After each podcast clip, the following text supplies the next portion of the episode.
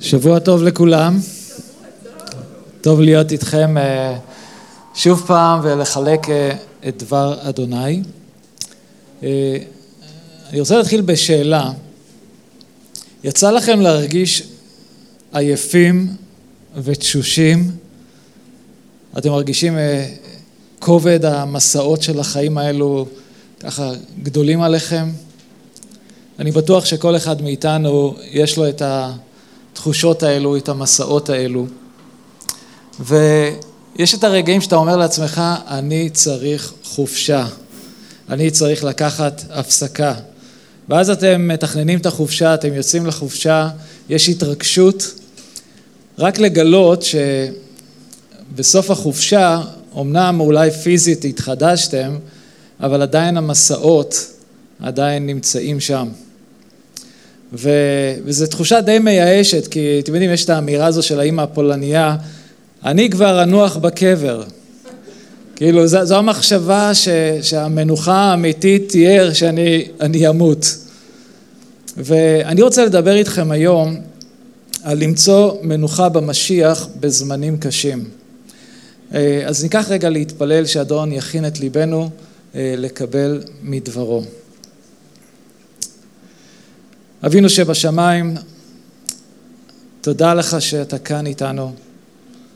תודה לך על ההזדמנות שהייתה לנו להלל אותך ולהשתחוות לך. ואנחנו יודעים שהרגעים האלו הם רגעים שבהם אנחנו מכריזים את האמת של מי שאתה. מכריזים את דברך ואת הבטחותיך. ואנחנו יודעים שיש את הרגעים שבהם הרגשות שלנו לא מרגישות את ה... את הנוכחות שלך, אדון, את הקרבה שלך, ודווקא ברגעים האלו אנחנו כן מכריזים את ההבטחות שלך כדי להזכיר לעצמנו שאתה טוב ונאמן, ושלעולם לא תנטוש את ילדיך. ואני מודה לך, אדון, על ההזדמנות לחלק מדברך, ואני מתפלל שאתה תפתח את ליבותינו לקבל את מה שיש לך עבור כל אחד מאיתנו. אני מתפלל בשם ישוע המשיח. אמן. אמן. אז אה, אם יש לכם את ספר הכתובים, אנחנו נקרא מספר מתי, פרק 11, ונקרא פסוקים 28 עד 30, פסוקים, אה, אני מאמין שדי מוכרים לכם. מתי 11, פסוקים 28 עד 30. אלו דבריו של ישוע. בואו אליי כל העמלים והעמוסים, ואני אמציא לכם מנוחה. קחו עליכם את עולי ולימדו ממני, כי עניו אני ונמוך רוח, תמצאו מרגוע לנפשותיכם, כי עולי נעים וקל משאי. יש לנו כאן הזמנה מישוע לבוא אליו. ואתם יודעים שכאשר אתם מקבלים הזמנה, אז אותו מזמין רוצה שאתם תהיו חלק מהאירוע, מהדבר שאליו הוא מזמין אתכם. ולאורך השירות של ישוע על הארץ, היו רגעים שכן הוא נתן הזמנות די מיוחדות. למשל התלמידים שלו, הוא אמר להם, בואו אחריי ואעשה אתכם דייגי אדם, נכון. לא מזמן חגגנו את חג הסוכות, וגם בחג הסוכות ישוע עמד ביום האחרון ואמר, הוא נתן את ההזמנה, מי שצמא יבוא נא אליי וישתה. וגם ביוחנן הוא אומר, עמדו בי ואני בכם. וכאן ההזמנה מישוע היא לבוא אליו. כשאתה מגיע לקהילה, כשאנחנו מגיעים לקהילה, או לכל פעילות אחרת בקהילה, זה לא אומר בהכרח שאנחנו באים לישוע. אני מאמין שחלק מאיתנו באים מכל מיני סיבות לקהילה. יש אה, כאלה שאוהבים את המוזיקה, אז הם באים כדי לשמוע את המוזיקה. יש אפילו כאלה שאוהבים לשמוע את דבר אדוני, וזה בסדר, זה מבורך, אנחנו כן רוצים לשמוע את דבר אדוני. ויש כאלו שבאים כמובן עם צרכים שונים, והם באים לכאן כדי להתפלל שאלוהים יעזור להם עם כל מיני דברים שקורים בחיים שלהם. יש כאלה שבאים גם בגלל חברים, ויש כאלה שפה בגלל שאמרו להם לבוא. ושלא תבינו אותי לא נכון, כל הדברים האלו הם סיבות טובות לבוא לקהילה. כן, אנחנו צריכים לחוות את החברות גם, וגם את, להביא את התפילות שלנו לפני האדון, לשמוע את דבר אדוני ולהלל את האדון. אבל כשאנחנו באים לקהילה, אנחנו אמורים לבוא ולפגוש את ישוע. וזה דבר כל כך חשוב בהליכה שלנו עם האדון. זאת אומרת שאתה בא כי יש לך צורך. אתה צריך את ישוע בחיים שלך. אתה בא לכאן כדי להתחזק באמונה, אתה בא לכאן כדי ללמוד לפתוח באדון, אתה בא לכאן להשתחוות, כמו שעשינו. וברגעים האלו יש התעלמות מוחלטת ממה שקורה סביבך. וזה היה נפלא לראות בזמן ההלל, שמתי לב שהיו כמה אנשים שהרגישו את הצורך אה, להשתחוות לאדון על הברכיים, כאלה שהרימו את הידיים לפני האדון. וחס ושלום שתהיו במצב שאתם מרגישים מנועים מלתת את כל כולכם לאדון בגלל שאתם אולי מתביישים או שזה יביך אתכם. כשאנחנו באים לקהילה, אנחנו באים לפגוש את ישוע. ואנחנו צריכים לבוא עם הצורך הזה שאני אומר, ישוע, אני לא יכול להמשיך את חיי בלעדיך. אני חייב אותך בחיים שלי. ישוע מזמין אותנו לבוא אליו. וכאן בפסוקים שקראנו הוא מזמין את העמלים והעמוסים. עכשיו מי הם? העמלים הם אלו שהם עייפים, אלה שתשושים, אלה שעובדים קשה, אלה שתשושים גם מרוב דאגות.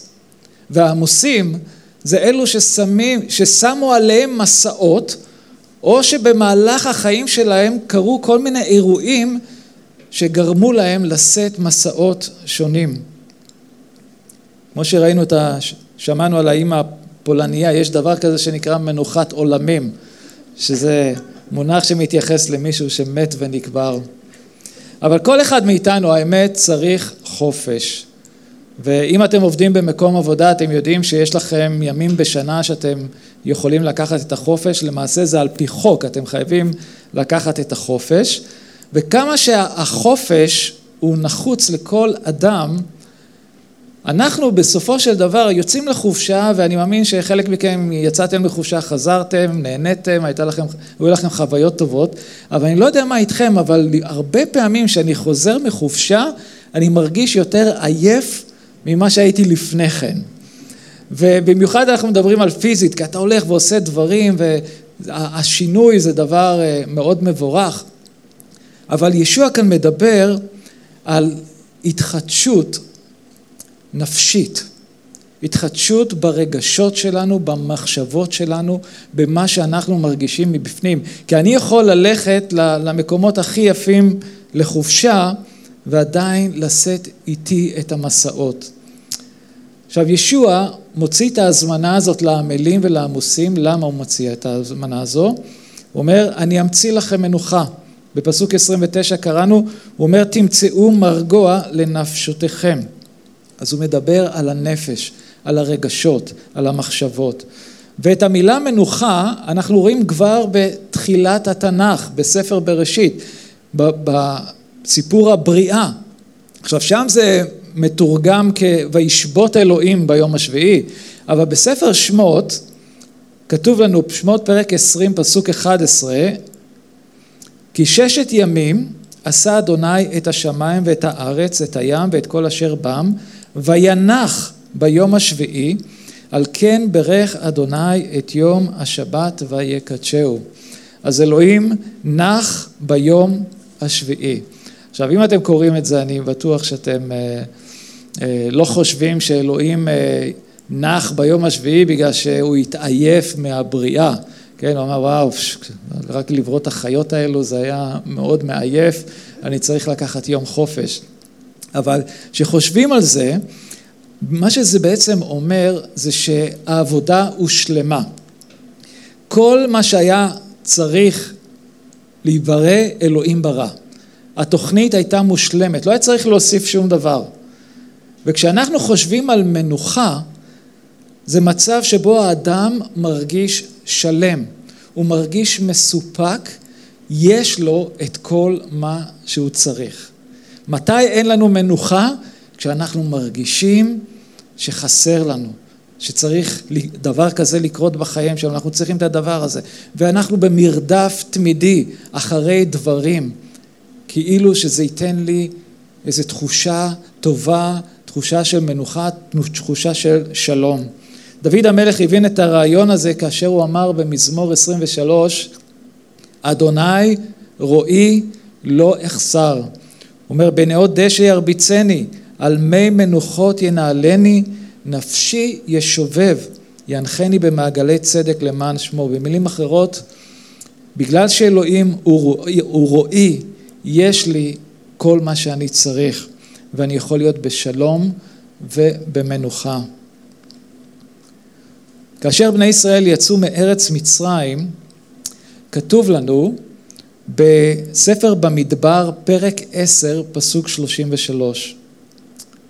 ויסעו מהר אדוני דרך שלושת ימים, וארון ברית אדוני נוסע לפניהם דרך שלושת ימים, לתור להם מנוחה. התוכנית של אלוהים הייתה להביא את בני ישראל, את עם ישראל, אל המנוחה, כלומר אל הארץ המובטחת. ואנחנו יודעים שזה לא קרה בדור יוצאי מצרים. ויש לנו את התיאור אה, בתהילים 95, פסוקים 10 ו-11, 40 שנה אקוט בדור ואומר עם טועה לבב הם והם לא ידעו דרכי אשר נשבעתי באפי אם יבואון אל מנוחתי וזה קשור לחטא המרגלים שהביאו דיווח רע לעם ישראל דיווח שגרם להם לחוסר אמונה ובגלל חוסר האמונה הם החמיצו את המנוחה, את הארץ המובטחת. ואם אתם זוכרים את הסיפור זה שאלוהים עשה המון ניסים, המון ניסים בחיים של בני ישראל. הוא הראה את הכוח ואת ה, את העוצמה שלו בצורה כל כך גדולה פעם אחר פעם. ואז הם מגיעים לארץ המובטחת והם שומעים דיווח שיש שם ענקים ושיש שם אה, צבא חזק ולא נוכל לגבור עליהם. ככה הם חושבים. אבל יהושע וכלב באים לפניו ואומרים להם, אלוהים הביא אותנו עד על הנקודה הזאת בחיים שלנו, האם הוא לא ייתן לנו את הכוח לנצח ולעבור את זה? הם האמינו, כלב ויהושע האמינו שאלוהים כן יהיה איתם גם במצבים הקשים ביותר שעומדים לפניהם. אבל העם לא האמין, חוסר אמונה, והם החמיצו את הארץ המובטחת. כותב האיגרת אל העברים מצטט את הפסוקים האלו כאשר הוא מסביר על השבת והמנוחה והוא אומר באיגרת אל העברים פרק 4 פסוקים 10 ו-11 אין הנכנס אל מנוחתו גם הוא שבת ממלאכתו כמו האלוהים משלו לכן נחתור נא להיכנס אל המנוחה ההיא פן ייכשל איש ויהיה לממרא כמוהם אנחנו נכנסים למנוחה באמונה. אנחנו נכנסים למנוחה באמונה. עם ישראל נכשל בזה. הוא לא האמין שאלוהים ידאג לו, שאלוהים יילחם בשבילו, שהוא יספק לו את כל מה שצריך. עכשיו זה לא אומר שאנחנו לא נחווה קשיים ואתגרים בחיים שלנו, אנחנו כן נחווה אותם, אבל אנחנו נדע ויודעים שאלוהים בתוך החיים שלנו, הוא יודע מה קורה בחיים שלנו והוא יילחם את המלחמות שלנו. ישוע בהזמנה שלו אומר, קחו עליכם את עולי ולימדו ממני. הוא אומר, כי עולי נעים וקל משאי. אז בהזמנה של ישוע, הדבר הראשון שהוא קורא לנו זה לבוא אליו. הדבר השני שהוא מצפה מאיתנו שנעשה, הוא אומר, קחו עליכם את עולי. זאת אומרת שאתה מחליף את העול שלך בעול של המשיח. זה לא שפתאום אין לך עול בכלל, יש לך את העול של המשיח. אתה עושה את ההחלפה. עכשיו, בזמן שנותר לנו אני רוצה לחלק איתכם על מספר מסעות שאנחנו יכולים להיפטר מהם כבר היום, ובמקומם לקחת את העול של המשיח. תודה לואן. העול הראשון שאני רוצה לדבר עליו זה עול שאפילו ביהדות מוזכר כעול אה, תורה ומצוות, והייתי מוסיף לזה עול מסורות. עכשיו המסורות יכול להיות, יכולות להיות דבר יפה, דבר מבורך, אבל גם הם יכולים להפוך להיות לעול כבד. זה מנהגים, כל מיני טקסים, דעות קדומות, כללי התנהגות, ערכים, והדברים האלה מועברים מדור לדור, ואם תשאלו הרבה אנשים למה עושים את מה שעושים, אה, לא יודעים, אבל עושים את זה כי כולם עושים את זה ומצפים שתעשה את זה. טוביה חולב אמר, אה, מסורת מסורת, בלי המסורת שלנו חיינו היו ראויים כמו כנר על הגג. המסורת, אתם יודעים, אם יש עם שיכול להתגאות במסורות שלו, זה העם היהודי. יש לנו מסורת לכל דבר, איך לשמור את השבת, איך לברך אה, על מאכלים, איך להתלבש, איך לחגוג את החגים, איך לצום, איך להתפלל, איך לבנות את הסוכה. אתם יודעים שיש מסכת שלמה שמדברת איך לבנות את הסוכה שתהיה נכונה, באיזה גובה ובאיזה זווית ואיך צריך לקשט ולסדר כדי שתהיה סוכה כשרה. ויש כל כך המון מסורות. וישוע כשהתהלך כאן בארץ הוא ראה, הוא ראה את, ה, את המסורות האלו שהכבידו על העם והוא מוכיח את בעלי התורה והוא אומר להם בלוקאס פרק 11 פסוק 46 תקשיבו למילים האלה. אוי גם לכם בעלי תורה כי מעמיסים אתם על בני אדם מסעות כבדים מנשוא ואתם בעצמכם עיניכם נוגעים במסעות גם באחת מאצבעותיכם. המסורות יכולות להיות ברכה עד שהן מתחילות להיות דבר מחייב. אתמול אה, אה, בערב אה, היה לנו מפגש צעירים בקהילה ועשינו איתם קבלת שבת ובירכתי על היין ובירכתי על החלה ואז אני מגלה שלואן שכחה להדליק את הנרות אפילו. עכשיו, אצל מישהו אחר זה היה הופך להיות משהו מאוד רציני. כאילו, וואו, אנחנו הרסנו את השבת, אנחנו פגענו, אבל לואן הרגישה בסדר עם זה, זה בסדר, לא קרה שום דבר, נסדר את זה בפעם הבאה. אבל, אבל שתבינו שיש מסורות שאנשים, זה הפך להיות כבר משהו מחייב. ואם אתה לא עושה את זה, אתה מרגיש רע עם עצמך, אתה מרגיש שנכשלת, ובסופו של דבר אתה מרגיש גם אשמה שאתה נושא על עצמך. כאילו אלוהים כועס עליך. אתם יודעים שגם בקהילה יש מסורות שיכולות להיות לעול? פרשנויות שונות הופכות להיות דבר מחייב. אנשים שקיבלו כל מיני התגלויות, פתאום זה גם הופך להיות דבר מחייב. כיצד להתפלל? כמה זמן להתפלל? מהי הדרך הנכונה להלל? אתם יודעים מה הדרך הנכונה להלל? איך האספה צריכה להתנהל? לשמור כשרות, לשמור מסורת יהודיות, נוצריות. היה איזה קומיקאי אה, יהודי ש, שצחק, הוא אמר תודה לאל שאנחנו היהודים לא צריכים לשים עץ חג המולד. כי אם היינו שמים עץ חג המולד, וואו, איזה, זה היה שם הלכות, נראה לי אולי איזה 800 הלכות, איך העץ צריך להיות. איזה גובה ואיזה סוג ואיזה צבע ואיזה קישוטים. אבל כשאנחנו חושבים על המסורות, זה יכול להיות דבר יפה, יכול להיות דבר מבורך, אבל הם יכולים להפוך ולהיות עול, ואנחנו צריכים להיזהר, כי כשישוע אומר, קחו הלחם את עולי ולמדו ממני, זאת אומרת שאנחנו נקראנו להיות התלמידים שלו, ואנחנו נקראנו ללמוד ממנו, ולא ללמוד מדת, ולא ללמוד משום איש שיבוא וינסה לשים כל מיני מסעות שהם לא בדבר אדוני, שאלוהים לא קרא לנו לעשות אותם. ולכן אנחנו חייבים לעשות את ההבדלה, ו- ואם יש איזה מסורות שאתם מרגישים שככה שאוחזים בכם, אוחזות בכם בחיים שלכם, זה, זה בסדר, אם לא עשיתם את זה כמו שצריך. אל תרגישו רע, שזה לא יהפוך להיות עול בחיים שלכם. עול נוסף, אה, שאני קורא לו עול העבדות, או יותר נכון דבר אדוני קורא לו עול העבדות, בגל"טים פרק חמש, באיגרת על הגל"טים פרק חמש, פסוק אחד, שאול השליח מדבר על המאמינים בגלטיה והוא אומר להם, המשיח שחרר אותנו אלי חירות, לכן עמדו ואל תיכנעו שוב לעול העבדות.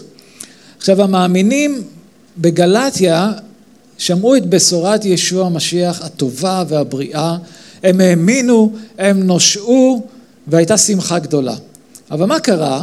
באו לשם אנשים ולימדו אותם שכדי להיוושע הם צריכים לעשות ברית מילה.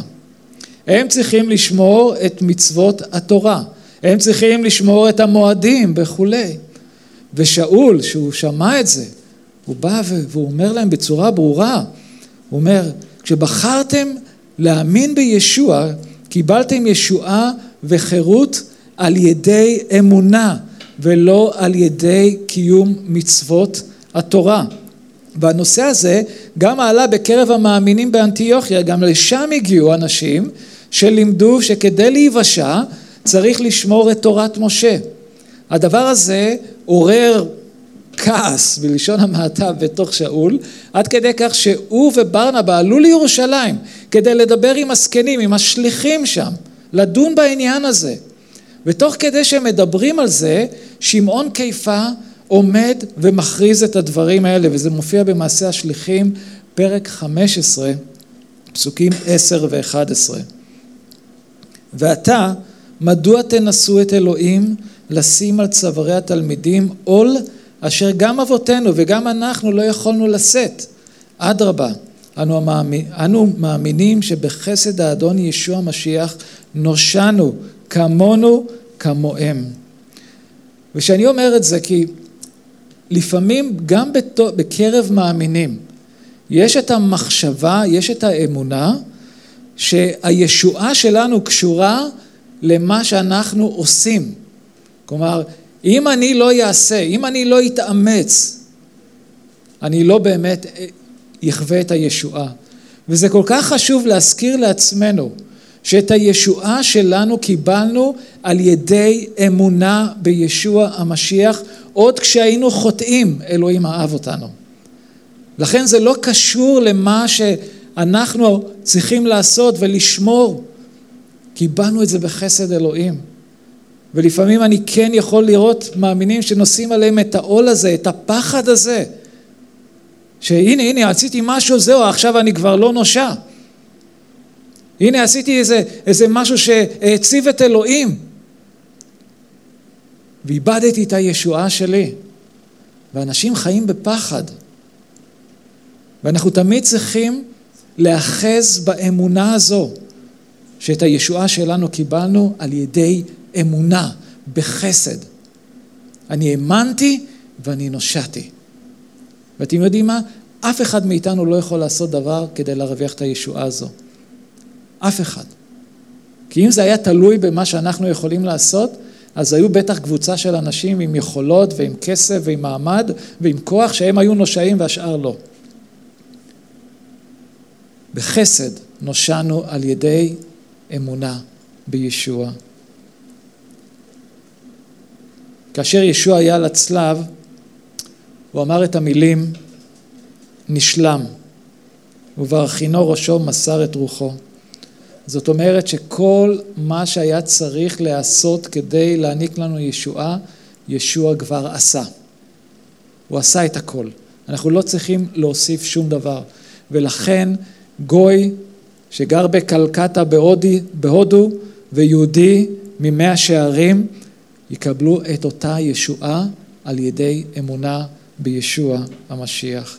אנחנו חופשיים מכל עול של עבדות. אנחנו עכשיו ילדי אלוהים.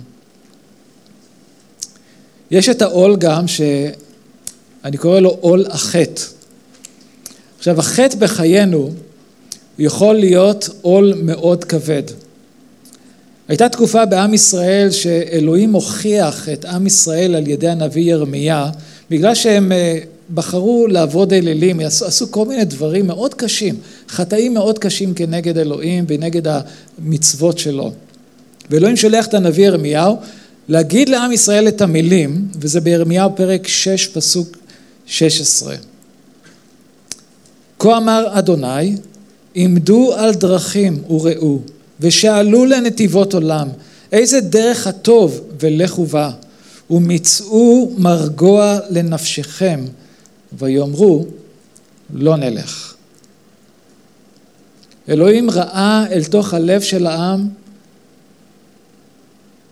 עובדים אלילים, חוטאים לאדוני, הם במקום שאין אין, אין, אין להם שלום, אין להם מנוחה אמיתית, הם במרדף אחרי מנוחה ושלום במקומות הלא נכונים. ובחסד של אלוהים, אלוהים שולח את הנביא כדי לקרוא להם, תחזרו לדרכים, לנתיבות עולם. תחזרו לדרכים שלכם שהייתם איתי בעבר. ואם אתם תחזרו, אתם תמצאו את המרגוע, אתם תמצאו את השלום, אתם תמצאו את המנוחה האמיתית. אבל העם אומר, אני לא רוצה. אני לא רוצה ללכת. וכאשר המשפט היה, כבר היה בלתי נמנע, אלוהים אומר לנביא ירמיהו אפילו לעשות מעשה נבואי, הוא אומר לו, אני רוצה שאתה תיקח מוט מעץ, שזה סוג של עול ששמו על בעלי חיים, ותשים את זה על עצמך ותלך ותוכיח את עם ישראל. זה מה שעומד לקרות להם. הוא אומר להם, מלך בבל יבוא וייקח אתכם, ואתם אל תתנגדו, אתם תצייתו ואתם תלכו. וזה בדיוק מה שקרה.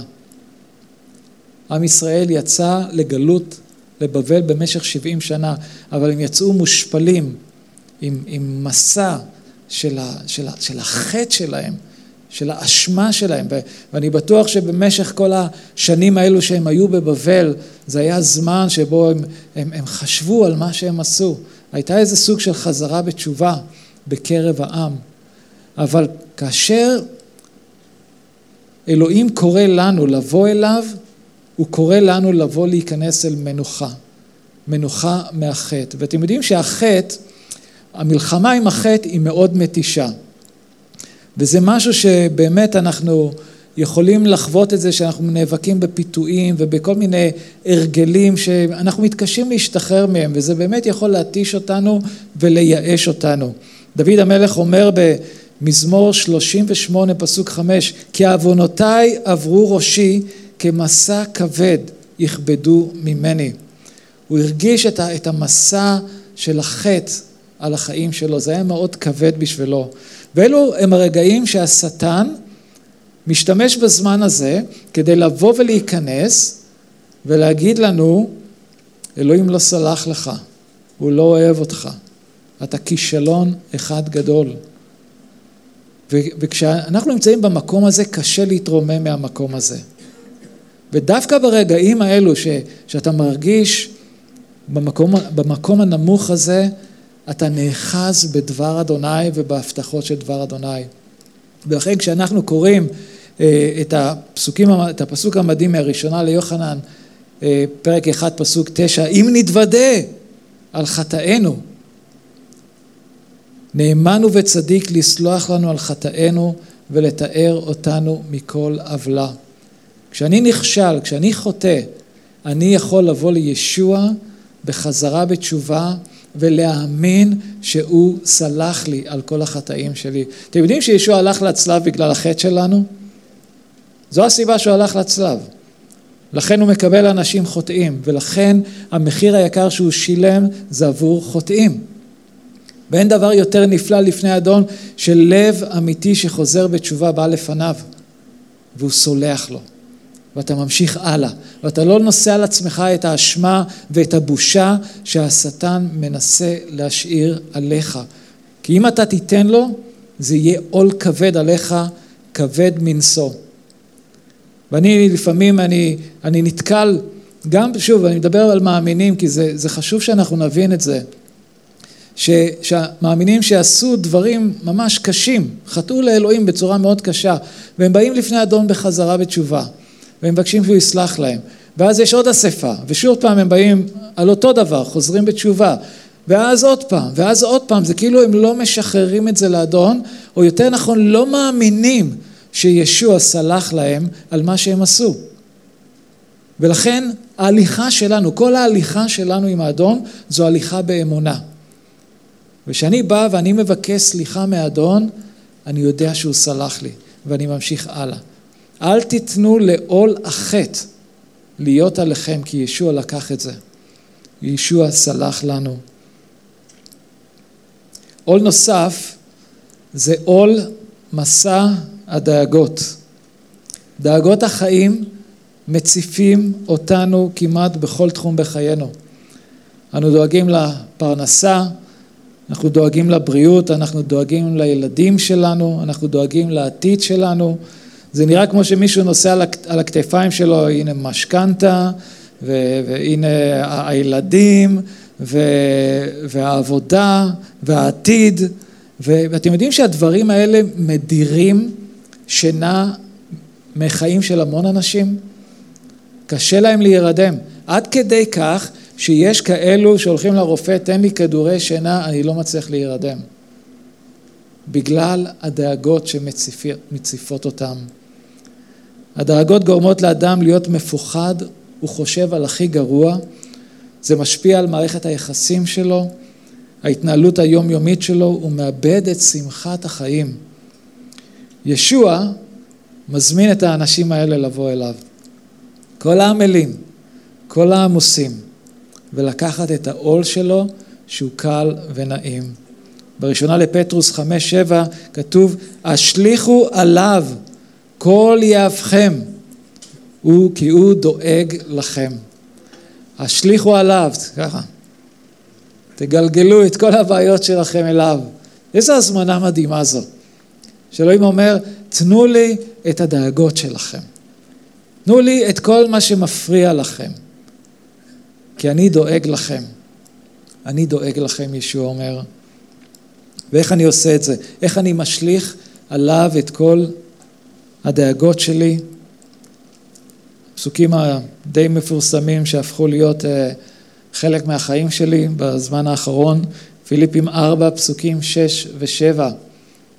אל תדאגו לשום דבר, כי אם בכל דבר הציגו משאלותיכם לאלוהים בתפילה, בתחנונים, בהודיה, ושלום אלוהים, הנשגב מכל שכל, ינצור את לבבכם ואת מחשבותיכם במשיח ישוע.